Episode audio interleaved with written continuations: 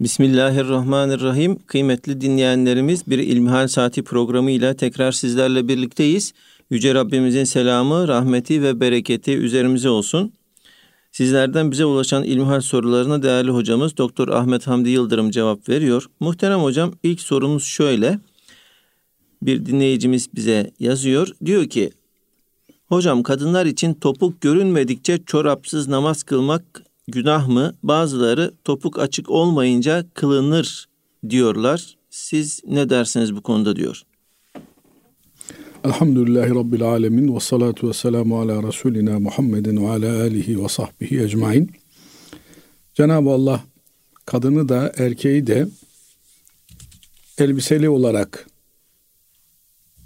yaşaması için tensip buyurdu. Yani kadında da erkekte de giyinmek esastır. Ancak zaruret miktarı kadının ve erkeğin bir takım organlarının görünmesine müsaade edilir. Kadında bu daha yoğun bir şekilde kapanma ağırlıkta olarak tezahür eder. Erkekte ise malumunuz olduğu üzere diz kapağıyla göbek altı arasının kapalı olması esastır. Kadında ise bütün vücudun avret olduğu yani örtünmesi istenen yer olduğu dile getirilir. Çünkü Cenab-ı Allah kadını cazibeli yaratmıştır. Şimdi bazen şöyle bir ifade olunuyor oluyor. Erkeklerin sapık bakışlarından dolayı kadınlar niye örtünmek zorunda kalsın? Kadınlar erkeklerin sapık bakışlarından dolayı vesaireden dolayı değil, öncelikli olarak Allah emrettiği için örtünüyorlar. Yoksa birinin şöyle yapmasından, böyle yapmasından dolayı birileri için örtünmüyorlar. Diğer bir mesele de şimdi ben arslanlar beni parçalayacak diye niye ormanda özgürce yürüyemiyorum? Türünden bir iddia ile ormanda arslanların yaşadığı alana girecek olursam akıbet onlara yem olmuş olurum. Cenab-ı Allah yarattığı her mahluka bir karakter vermiş, bir tabiat vermiş, bir doğa vermiş. Erkeği kadına meyilli olarak yaratmış. Kadının erkeğe olan meyli belki bu yönden biraz daha az olabilir ama kadın da erkeğe meyilli olarak yaratılmış. Binaenaleyh ister kadın olsun ister erkek olsun Allah emretti diye asıl olan örtünmektir. Bundan dolayı ben niye işte filan şey yapacakmış diye örtünüyorum ifadesi bir mugalatadır eskilerin ifadesiyle. Konuyu başka tarafa çekme, saptırmadır. Allah bize neyi emrediyorsa biz onu yapmakla mükellefiz. Nitekim hudu zinetekum inde kulli mescidin her secde alanına girdiğinizde yani seccadeye yaklaştığınızda zinetinizi alın buyuruyor. Yani sizi güzelleştiren elbisenizle beraber huzuruma gelin. Giyinmek güzeldir. Açılmak ilkelliktir. Çünkü tabiatta bakıyorsunuz insandan başka giyinen bir mahluk yoktur. Binaenaleyh açıldıkça özgürleştiğini zannedenler aslında hayvanatla kendilerini eşitlemiş oluyorlar. Bundan dolayı örtünen insan zinetli olan, süsünü giyinmiş, takınmış olan insandır. Kadının e, süsü de örtünmesindedir, ihtişamındadır. İhtişam kelimesi Türkçe'ye harika, mükemmel anlamına kullanılmaktadır.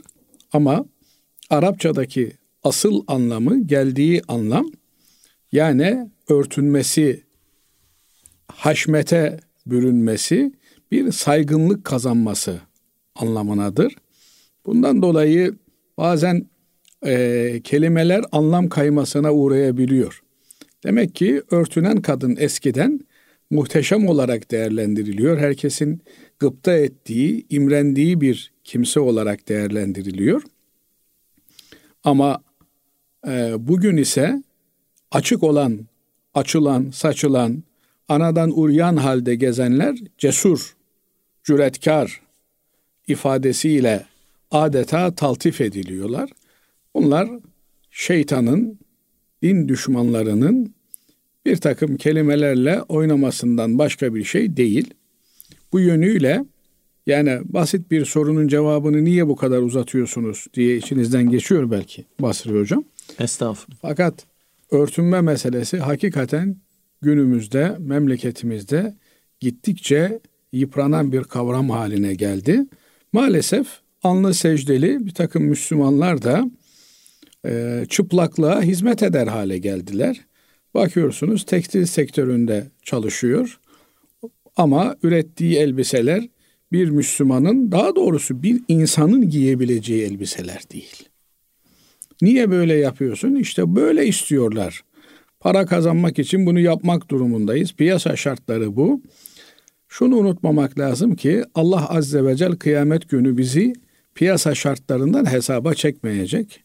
Kur'an'ın ve sünnetin şartlarından hesaba çekecek. Binaenaleyh herkes kıyamette Allah'ın huzurunda ne hesap vereceğini düşünerek adımını atmalı. Öyle efendim aslı olan para kazanmak, para kazanmak için her şeyi yapmak mübahtır diye bir şey söylenmez. Söylenmesi doğru da olmaz. Şimdi gelelim bu kardeşimizin sorusuna.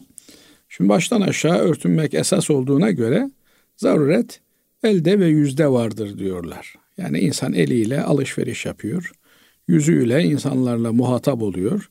Binaenaleyh eli ve yüzü hariç bütün bedenini örtmesi lazım gelir diyorlar. Bazı alimlerimiz ayakta da zaruret görmüş. Ayağın taban kısmı hariç e, üstü örtülecek ama taban açılabilir diye de söylemişler. Çünkü elbise çok fazla yerlere sürdüğünde pislik vesaire filan bulaşabilir. Ayağını kaldırdığında eskiden herkes nereden bulacak çorap? Ama bugün öyle değil. Ee, elhamdülillah örtünmek için fazla imkanımız var. Fakat şeytan iyi çalıştığı için çıplaklığı teşvik ediyor. Doğru olan özellikle de evlerinde namaz kıldıklarında kadınların bir namaz e, forması yanlarında bulundurmaları bu yerlere de değmeli. Binaenaleyh ayaklarının görünmemesi doğru olandır, esas olandır. Bakın burada aklıma gelen bir hikmeti de söyleyeyim. Cenab-ı Allah bizim içimizi de biliyor, dışımızı da biliyor. Tesettür insanların birbirlerine karşı örtünmeleridir. Yoksa Cenab-ı Allah'a karşı örtünmek diye bir şey söz konusu değildir. Evet Cenab-ı Allah bizim hayalı olmamızı ister, bizim edepli olmamızı ister. İnsan yalnız başına iken de çıplak olmamaya dikkat etmelidir.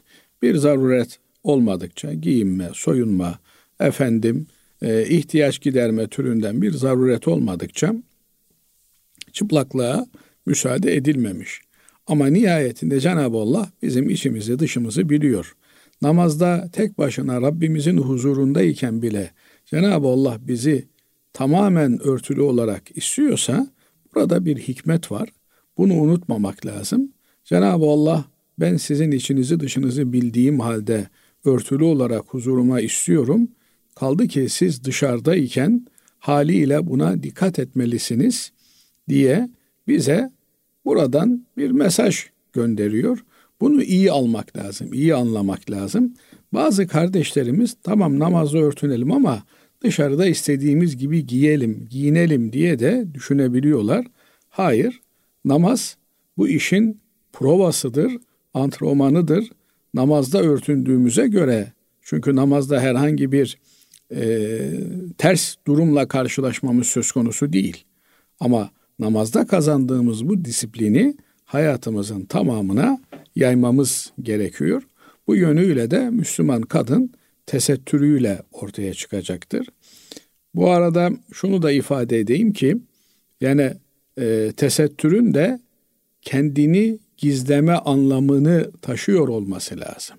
Yani bağıran bir tesettür, ben buradayım diyen, dikkat çeken, dikkatleri üzerine toplayan bir tesettür de tesettür olmaktan çıkar. Bütün bunlar bazıları için çok abartı gelebilir. Ama mesele Allah'a kulluk olduğunda kullukta abartı olmaz, kullukta israf olmaz, ibadette israf olmaz.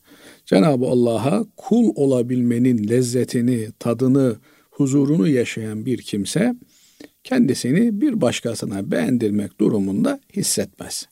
Mesele bu. Allah razı olsun kıymetli hocam. İkinci sorumuza geçmek istiyorum. Dinleyicimiz diyor ki hocam tamamlayıcı sağlık sigortası caiz midir? Bu konuyla ilgili bilgi bulamadım. Sizden dinlemek isterim diyor. Şimdi sigorta meselesine bir bütün olarak yaklaşmak gerekiyor. Şöyle ki e, sigorta garantiyi almak anlamına geliyor. İnsanın tehlike altında kendini hissettiği bir takım durumlar için kendisini garantiye almasını ifade ediyor. Söz gelimi yeni bir araba aldım. İşte 3 milyona 5 milyona pahalı da bir araba. Bu araba kaza yapar, perte düşer. Bir daha ben böyle bir araba alma imkanına kavuşamam. Zenginken fakirliğe düşerim. Bir konforum varken konfor alanından zafiyete düşerim diye insan kaygılanır. Bu kaygıların temelinde şeytanın vesvesesi gelir. Şeytan yaidukumul fakra diyor Cenab-ı Allah. Size fakirliği üfler. Aman birkaç kuruş sadaka verecek olursanız fakir düşersiniz. Şunu yapacak olursanız elinizdeki zenginlik gider. Önce insanı bir zenginliğe, bir konfora, bir standarda alıştırırlar.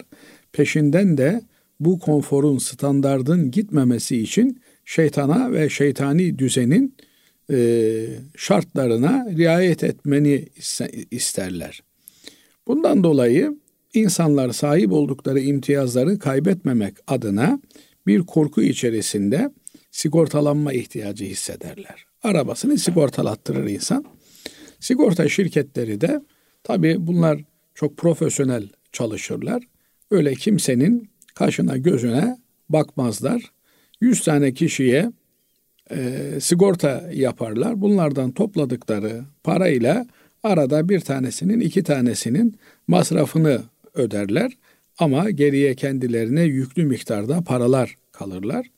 Bir dönem e, bununla ilgili bir çalışma yaptığımızda dünyada 3 trilyon dolar e, reinsurance dedikleri sigortanın da sigortalanması fonunda paranın bulunduğu bu paranın bir kısmını işte e, ödeme olarak harcadıklarını düşünecek olursak kalan kısmı ile dünyadaki bizim gibi gelişmekte olan ülkelerin ekonomileri üzerinde oynayarak paralarına para katarlar.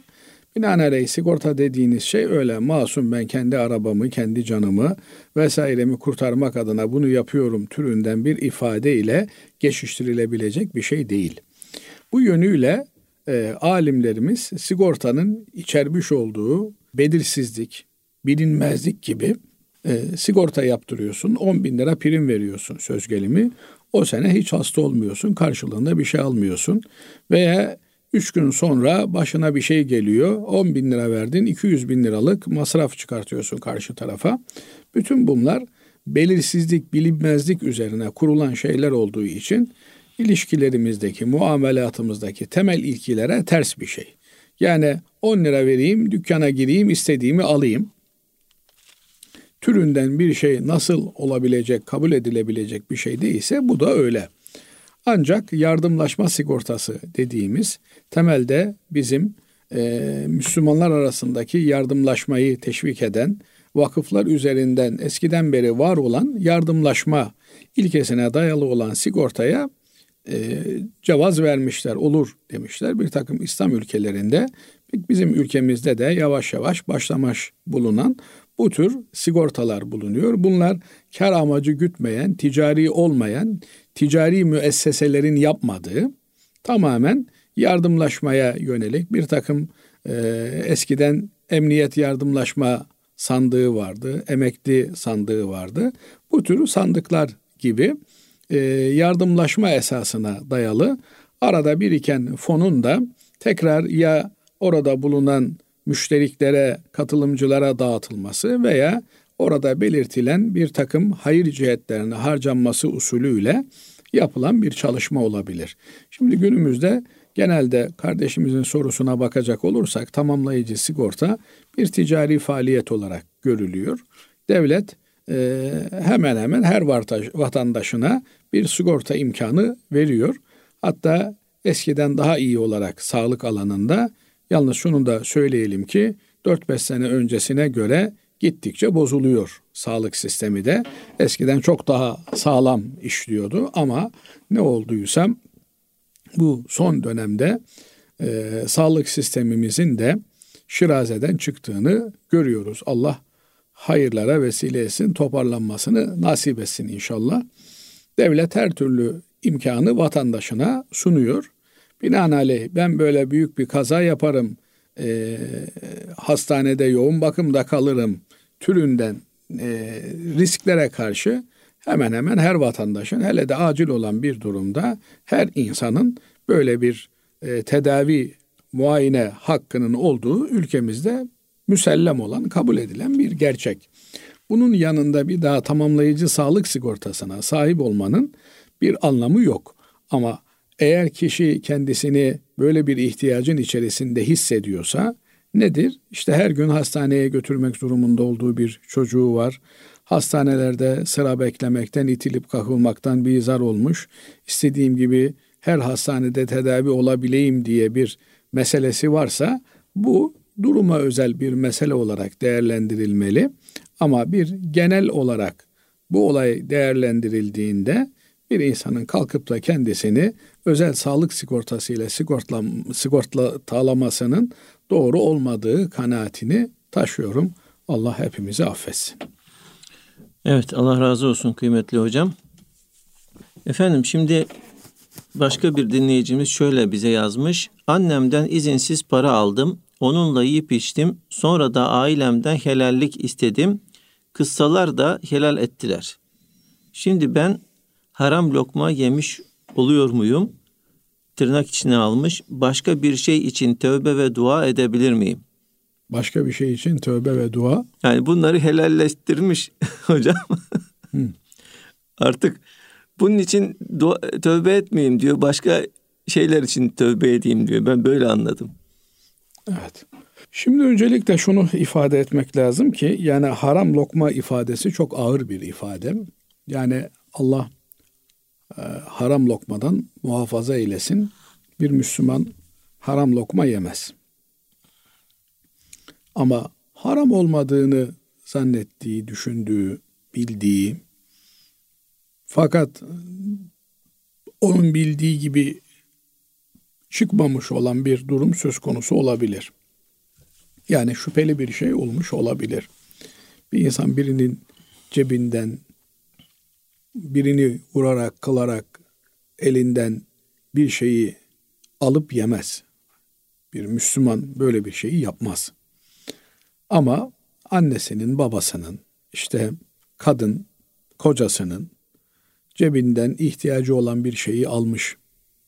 Bu haram olarak addedilir mi? Öncelikle şunu söyleyelim ki doğru bir şey değil tabi. Yani öncelikle ihtiyacı varsa bir evladın annesinden babasından istemesi lazım. İstemediğinde ne olur? İşte adamın cebinde 500 lira vardı. Sabah baktı ki bu 500 lira 300 liraya düşmüş. Kim aldı benim bu 200 liramı? O mu aldı, bu mu aldı diye bu sefer ötekini, berikini hırsız çıkartmaya çalışır. Ama e, bu kardeşimiz böyle bir şey yapmış. Nihayetinde anne babanın malı da evladın olduğu için, evladın malı da babanın olduğu için kendi aralarında bir olay dönmüştür. Elbette bu bin bir yabancıdan alınan gibi değildir. Fakat doğru mudur?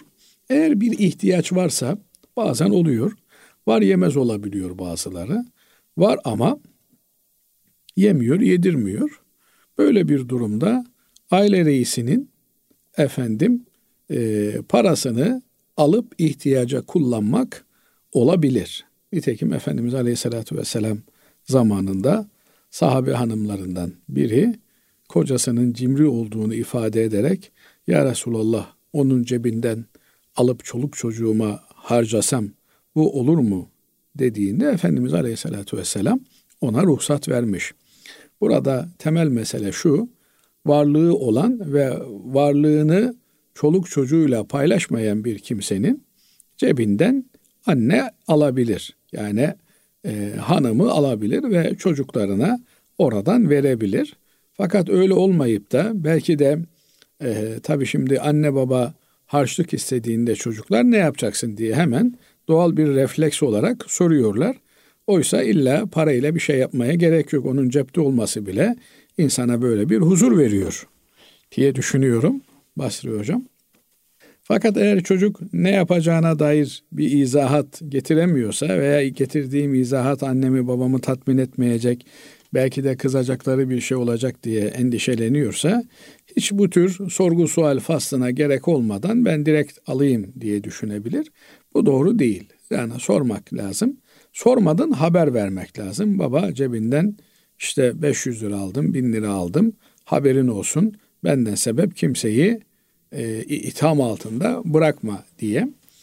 Ama sonunda e, helalleştik diyor. Allah affetsin hepimizi. Fakat bu helalleşmede de Basri hocam ya hakkını helal et bana diyerek ortaya karışık bir helalleşme olmamalı.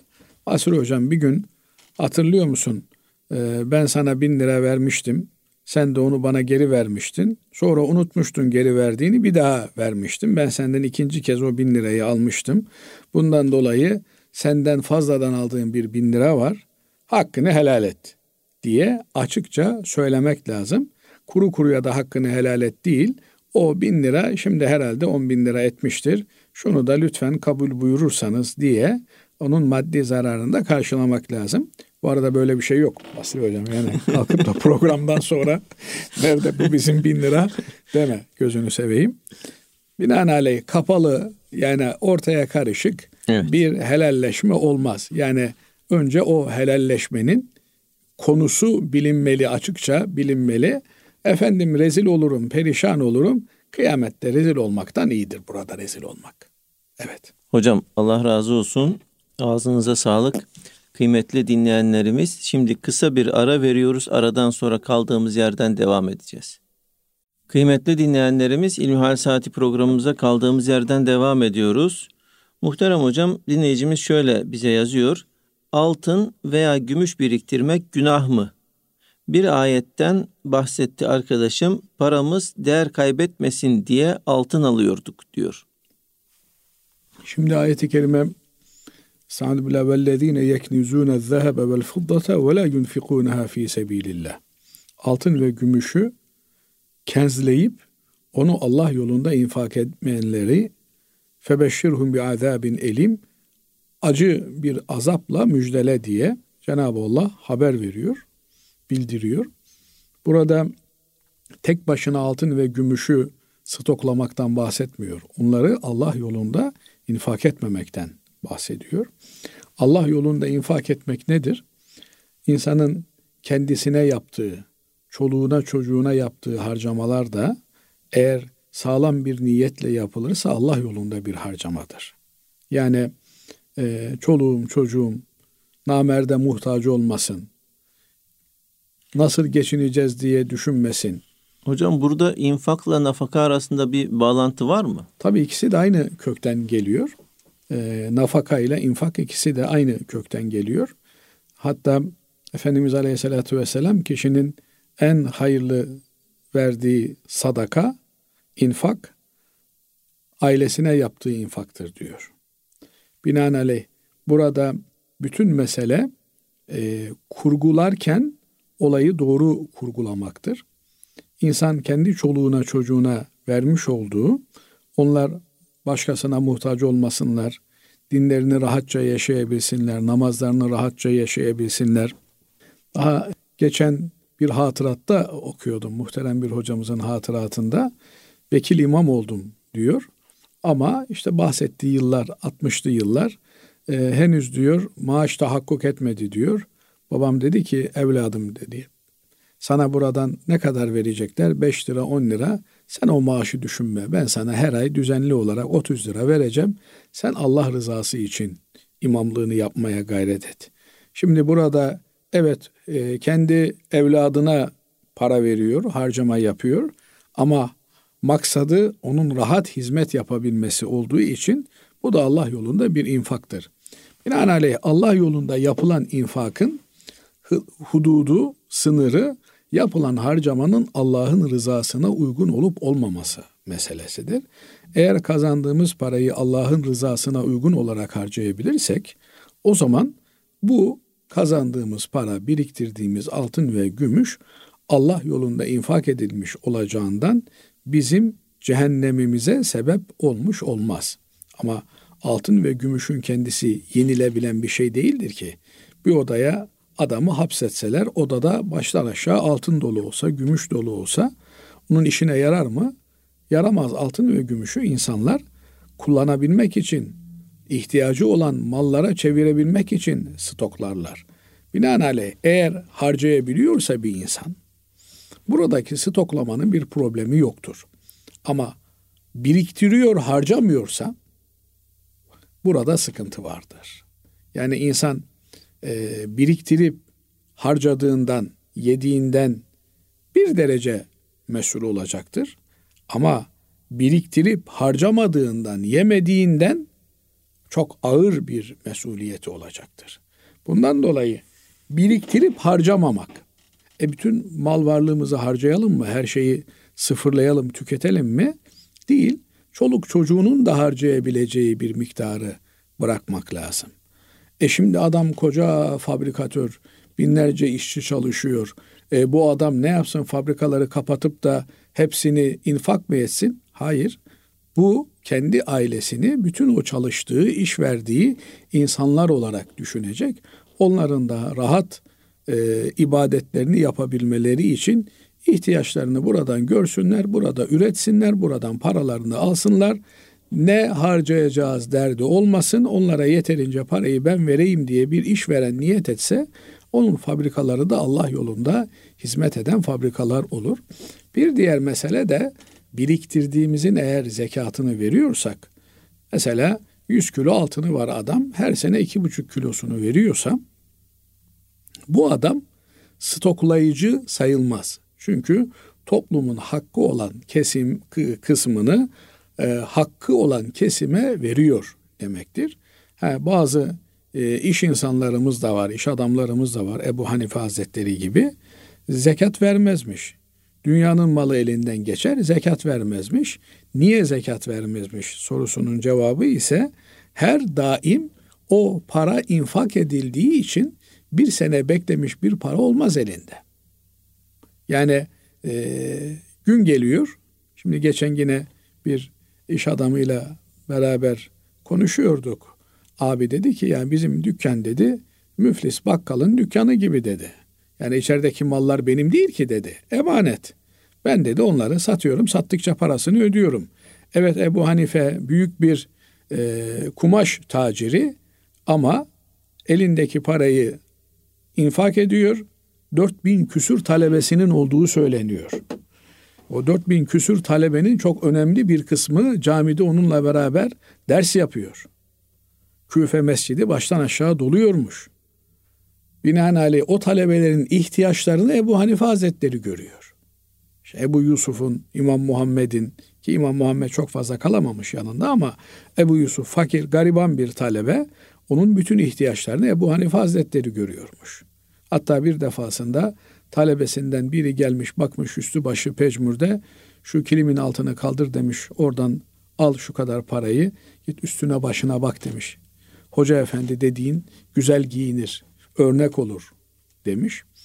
Hasılı kelam menkıbe kitaplarında bunu görüyoruz. Ama üzerinden bir yılı geçme şartı var elindeki paranın, zenginliğin. Söz gelimi bir Ramazan'dan bir Ramazan'a infak ediyor.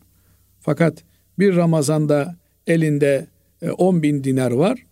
Aradan 3 ay geçmeden 10 bin dinar bitiyor. Sıfırlanıyor. E dükkanda mal var, mal var ama işte mal kumaş emanet olarak, konsiye olarak bırakanların malları.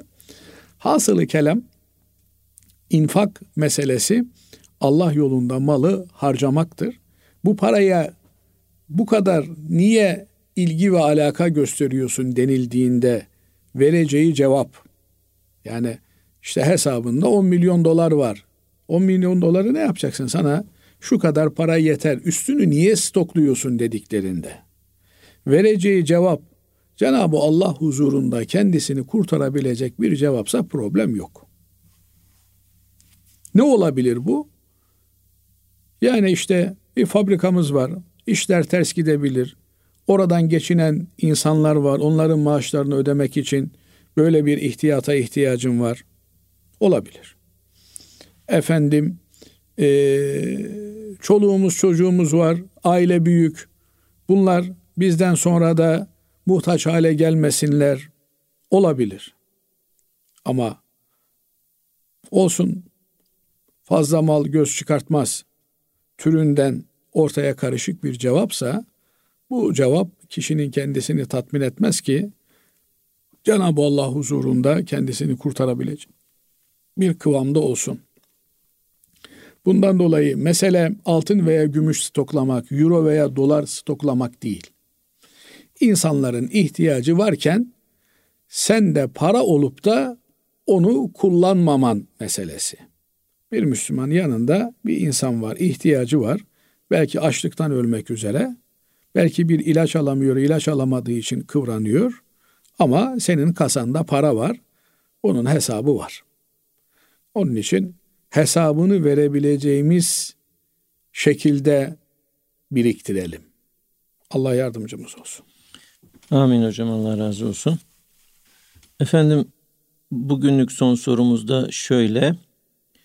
Tabi vesvese ile ilgili birçok defa konuştuk. Yine de konuşacağız. İleriki zamanlarda sanıyorum yine bununla ilgili sorular gelecektir. Selamünaleyküm hocam diyor. Vesvese geliyor. Cevap verme dedi psikoloğum. İçimden kötü düşünceler geçiyor ve istiyormuşum, aklıma getiriyormuşum gibi oluyor. Allah'ım kabul etme diyorum. İyi şeyler geçince cevap vermeyince de bu sefer iyiyi istemiyormuşum gibi geliyor. Yine cevap veriyorum. Sürekli kendi kendime konuşuyorum. Bazen ağlıyorum, mahvoluyorum. Düzelmek için dua ediyorum. Bunu nasıl atlatacağım bilmiyorum. Ölmekten beter oldum. Susmuyor kafam diyor. Evet. Yani Allah yardım etsin. Şöyle bir şey var e, Basri Hocam. Yarım hoca dinden eder. Şimdi bunu söyleyince de şöyle bir iddia sanki içinde barındırıyormuş. Biz tam hocayız. Bizim konuştuğumuzda sıkıntı olmaz diye Allah muhafaza Garanti etsin. veriyoruz. Öyle bir şey yok. Hep herkes e, Allah'a sığınmak durumunda. Ama elimizden geldiği kadarıyla bilmediğimiz konulara bulaşmamaya çalışıyoruz. Eğer kazara Basri Hocam bilmediğimiz alandan bir soru soracak olursa orada da lafı evirip çevirip e, suya sabuna dokunmayacak halde cevaplandırmaya gayret ediyoruz. Cenab-ı Allah hepimizi muhafaza eylesin ama Amin. hocalarımızın hakikaten mesuliyeti daha fazla. Ee, bazen şöyle arkadaşlarla dertleşiyoruz Basri Hocam. Sizinle de dertleşiyoruz. Bir fetva sigorta fonu kurmamız lazım. Yani az önce sigortadan bahsediyordun ya. Adama bir fetva vermişsin, yanlış bir fetva vermişsin, zararı olmuş. E bu zararı e, hocanın fetva verenin tazmin etmesi lazım. Çünkü e, birinin zararına yol açılmış. E, Allah muhafaza eylesin. Kimseye kasıtlı olarak bir zarar vermek gibi bir niyetimiz yok. Cevap verirken de e, eskiden belki biraz daha cesurdum Basri Hocam. Şimdi daha çok korkuyor insan. Çünkü yok demenin de bir bedeli var. Var demenin de bir bedeli var. Helal demenin de haram demenin de bazen zannediliyor ki işte olmaz demek, haram demek kolay. Oysa Cenab-ı Allah e, ağzınızı eğip bükerek ona helal buna haram demeyin diyor. Harama helal demek neyse helale haram demek de o Allah muhafaza eylesin. Yarım doktor candan eder diyorlar. Yarım psikologlar da adamın ruhunu elinden alır. adamı ruhtan eder, ruh sağlığından eder, akıl sağlığından eder. Dolayısıyla öncelikle bu kardeşimizin sağlam bir psikoloğa, psikiyatra artık bunun psikiyatrlık durumu olduğu görülüyor. İlaç kullanması lazım geldiği kanaati sorudan anlaşılıyor. Çünkü vesvese artık bunda bir takıntı haline gelmiş. Yani vesvese evet biz Türkçe'de vesvese diyoruz ama arada bir gelip gidendir. Yani kalıcı ise eğer yatıya kalmışsa bu durum bu artık ileri boyutlara taşmış demektir. Bunun mutlak surette kaliteli bir yerde bir psikiyatrda ilaç tedavisine başlaması lazım. Daha sonra da psikolog olarak destek alacağı, terapi desteği alacağı, dertleşeceği, konuşacağı kimseleri de düzgün olarak seçmesi lazım. Maalesef bizim bu sosyal alanlarda psikoloji, sosyoloji, edebiyat vesaire gibi alanlarda eğitim sistemimiz 19. 20. yüzyılda büyük bir darbe aldığı için şimdi 19. yüzyılda biz batıya batı icatlarını öğrensinler diye oradaki teknik gelişmeleri öğrensinler diye talebe gönderdik. Fakat onlar sadece orada teknik alanlarda eğitim almadılar. Psikoloji alanında da eğitim aldılar. Efendim sosyoloji alanında da edebiyat alanında da ve gelenler daha fazla bu alanlarda bir ifsat hareketi yürüttüler. Çünkü aldıkları eğitim, psikoloji eğitimi, sosyoloji eğitimi henüz ayakları yere basmayan ve deneme aşamasında olan birçok yanlış akımın e, bulunduğu eğitim sistemleriydi.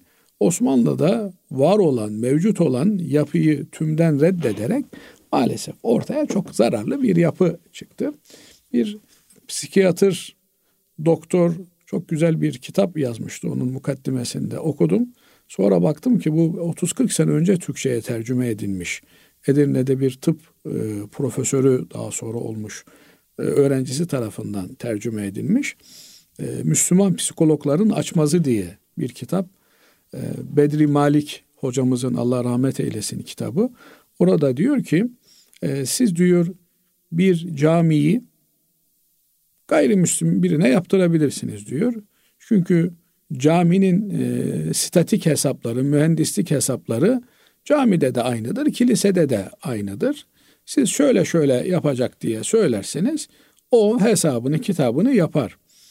Yine bir kalp ameliyatı olacaksanız gayrimüslim birinin elinde de kalp ameliyatı olabilirsiniz. Müslümanın kalbi de gayrimüslimin kalbi de aynıdır. Ama eğer psikolojik tedavi görecekseniz orada sizin değer dünyanızla bağdaşmayan birinin e, elinden bu tedaviyi almaya kalkarsanız çok vahim sonuçlar ortaya çıkabilir. Onun için diyordu ki batıya tıp okumaya, hendese okumaya, mühendislik okumaya çocuklarınızı gönderin ama edebiyattı, sosyolojiydi, psikolojiydi. Bunları kendi örfünüze, adetinize, dininize, geleneğinize, göreneğinize göre öğretmek durumundasınız.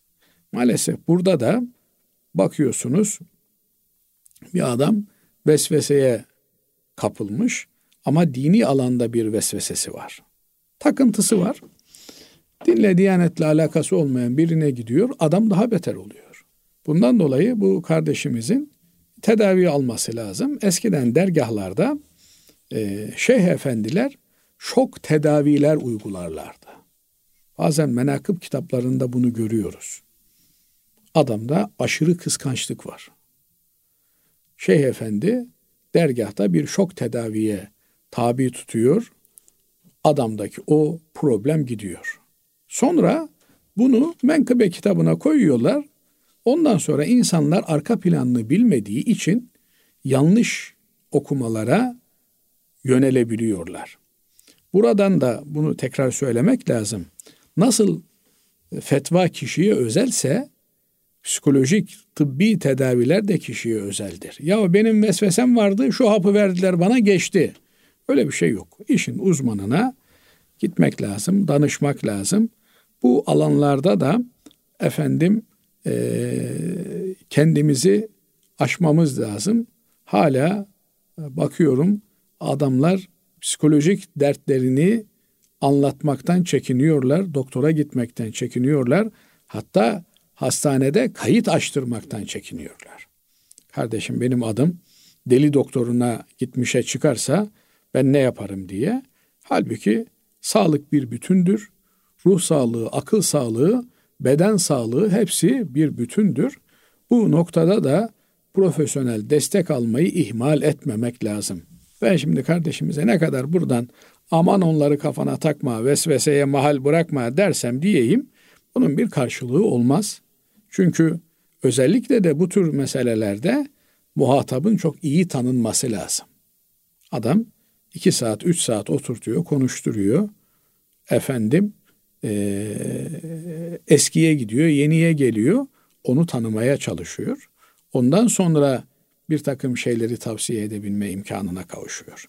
Cenab-ı Allah bu kardeşimize de bütün kardeşlerimize de imdad eylesin. Elbette her alanda da Kur'an bize şifa ama e, Kur'an'a müracaat ederken de oradaki niyetimizi sağlam tutabilmemiz için bir ön hazırlığın olması lazım. Elbette bir insan Elem Neşrah Leke suresini okusa ferahlar ama o niyeti sağlam olarak tayin edebilmek lazım diyelim ve kardeşimize de bütün hastalarımıza da Rabbimizden şifalar niyaz ederiz. Allah razı olsun kıymetli hocam. Ağzınıza sağlık. Teşekkür ediyoruz. Kıymetli dinleyenlerimiz bugünkü İlmihal Saati programının sonuna ermiş bulunuyoruz. Efendim hepinizi Allah'a emanet ediyoruz. Hoşçakalın.